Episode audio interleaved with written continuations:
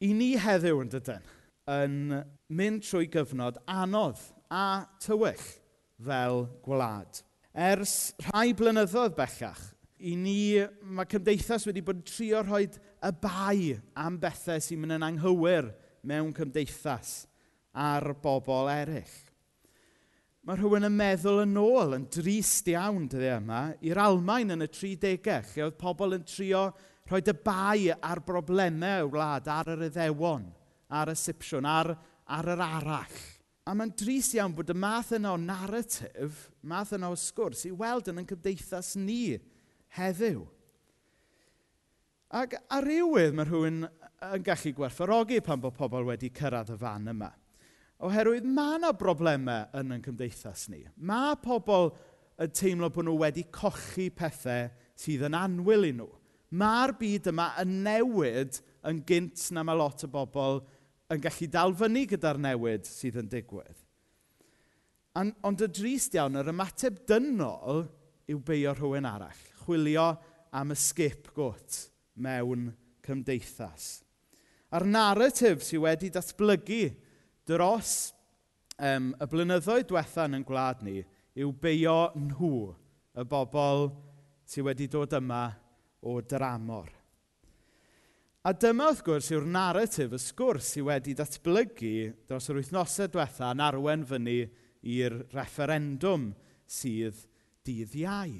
Mae yna rhyw deimlad o densiwn, mae yna rhyw deimlad o ofn gan bobl a, ar ddwy ochr y ddadl yn does ynglyn a be mae'r dyfodol yn ei ddal. Yn pobl ar ddau ochr y ddadl yn ofn. Yna pobl ar ddau ochr y ddadl yn ofn celwydd i gilydd ac yn gweld bai ar ei gilydd. A mae'r tensiwn a'r ofn yma wedi bod yn adeiladu ac adeiladu gyda'r papurau newydd, yn, gyda'r penawdau yn gwneud y sefyllfa yn waith ac yn waith. A mewn gwirionedd, ddath y cyfan yw ben llanw trist yn dod, dydd iau, wrth i'r aelod syneddol Joe Cox gael ei llofruddio.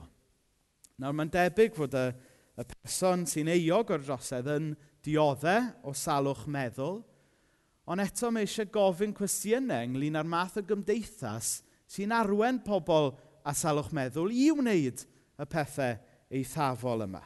Oherwydd nid muslim oedd y dyn yma, nid rhywun oedd wedi symud yma o Syria, ond dyn gwyn oedd wedi i enni a'i fagu yn y wlad yma. Mi oedd yn ddyn sal, a mae'n bwysig bod ni yn nodi hynny. Ond mae yn ddyn sal gath i ddylanwadu gan yr ofn, gan y sgwrs yma, sy'n mewn cymdeithas heddiw yn chwilio i roed y bai ar bobl eraill. Mae yna dywychwch, mae yna ofn yn yn cymdeithas ni heddiw.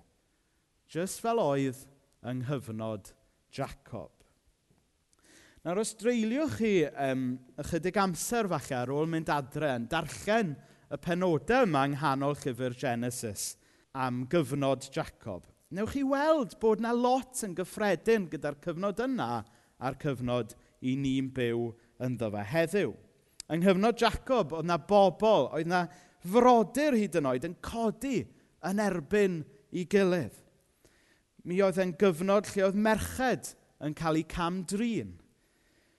Mi oedd e'n gyfnod lle oedd pobl yng ngoleuni hynny yn mynnu cyfiawnder, ond hwnna'n mynd rhy bell a'r cyfiawnder yn troi yn ddial.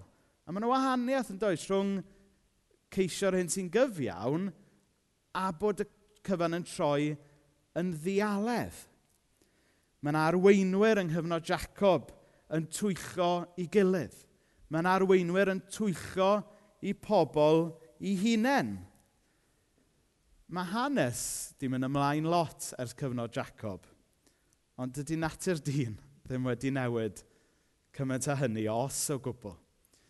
Achos er bod yn cael ei fynegu mewn ffordd gwahanol, yr un ofn, yr un tensiwn, yr un tywychwch i ni'n gweld yng nghyfnod Jacob ac yn drist iawn da ni wedi weld yn ein gwlad ni dros y blynyddoedd, dros y diwrnodau diwetha yma.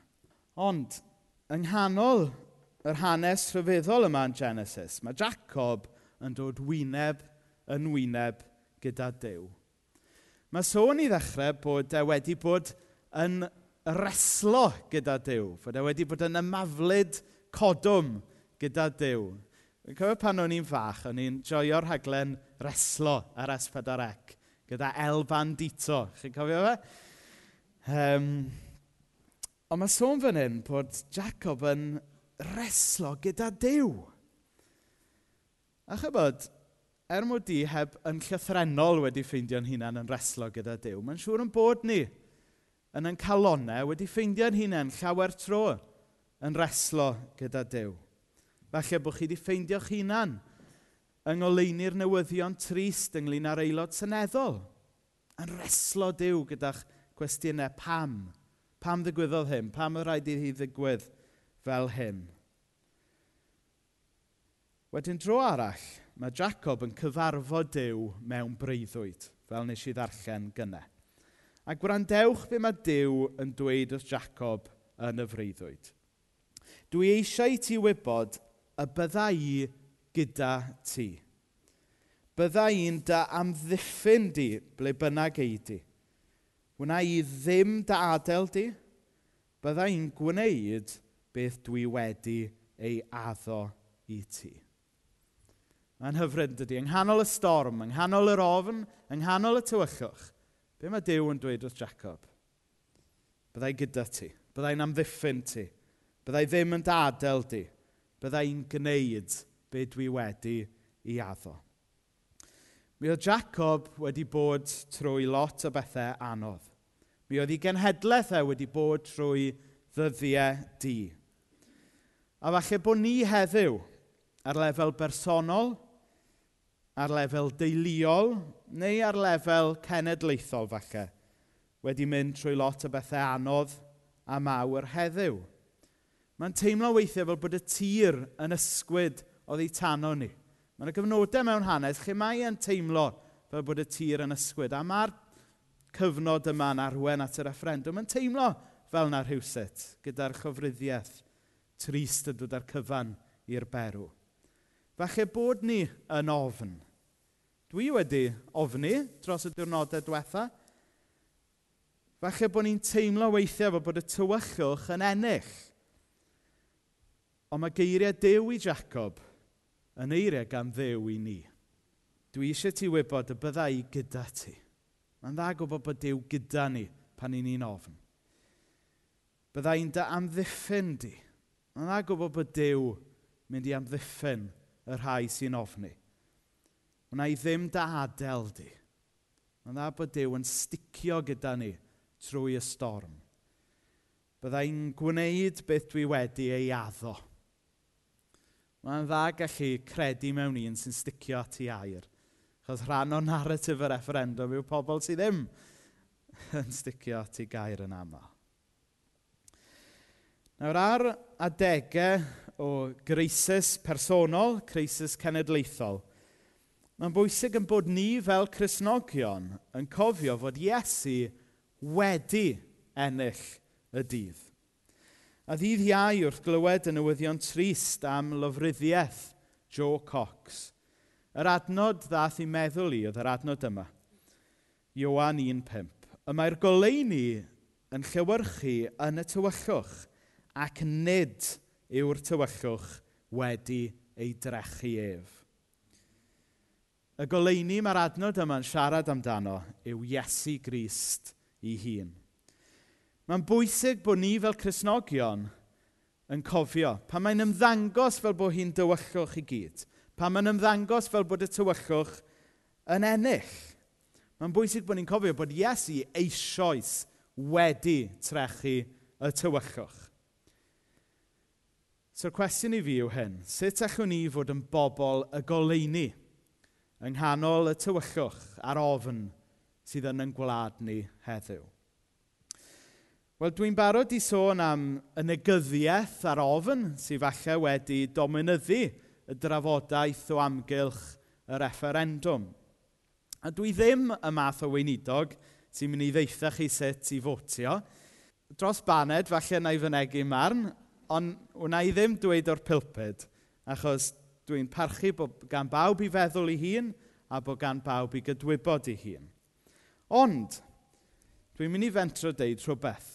Oherwydd mae'n bwysig yn bod ni fel Cresnogion ar adegau o bwysigrwydd cenedlaethol yn dod â goleuni Iesu Grist mewn i'n meddwl ac mewn i'n ystyriaethau wrth wneud y penderfyniadau yma.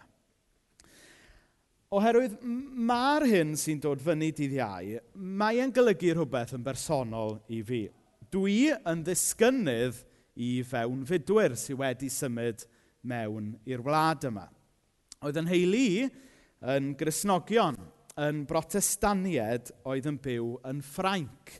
Um, yn ystod y cyfnod lle oedd protestaniad yn cael ei herlyd, um, yn cael ei persecutio oherwydd ei ffydd. Ac yn 1572, fe gafodd yna filoedd o brotestanied i lladd um, ar ddiwrnod ar, oedd yn cael ei alw yn St Bartholomew's Day Massacre. Ac er mwyn gwarchod i deulu, Fe nath fy hen, hen, hen, hen, hen, hen, hen, hen, hen, hen daid, deg o weithiau, um, ddianc i Lundain. Um, Mae'r chwedl yn y teulu bod nhw wedi cuddio mewn casgenni, a, ond dwi'n siŵr pa mor wir ydy'r rhan yna o'r stori. Ond mae e'n wir bod nhw wedi dianc am ei bywydau o Ffrainc draw i Lundain. Just fel mae pobl o Syria yn ffoi am ei bywydau i'r wlad yma heddiw. Ar ôl cyrraedd Llundain, fe ffeindiodd fy nheulu i gartref yma. Fe gafon nhw groeso yma. A ganrifoedd wedyn, dyma fi eich gweinidog chi wedi ffeindio fy hunan yn weinidog yng Nghaernarfon. Ar her i fi be bynnag wrth feddwl am y referendwm dydd iau, sut groeso fydde'n heili yn cael yn y wlad yma heddiw.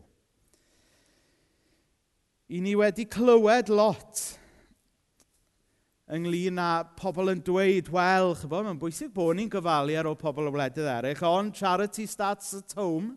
Chi clywed am pobl yn dweud hynny. Chi clywed am bobl yn dweud, wel, iawn am wledydd eraill, ond put Britain first. Ond wedyn mae'r Beibl yn dweud pethau fel hyn wrthyn ni. Paid cam drin mewn fudwyr, Cofiwch mewn mewnfudwyr oeddech chi eich hunain yn yr aifft. A wedyn adnod gyfarwydd iawn gan Iesu hun. Dylech chi drin pobl eraill fel byddech chi'n hoffi iddyn nhw eich trin chi. So wrth i ni feddwl a gwneud penderfyniad fyny dydd iau. Wrth gwrs bod pawb a'i ddolir ei hun, mae rhywun yn deall hynny.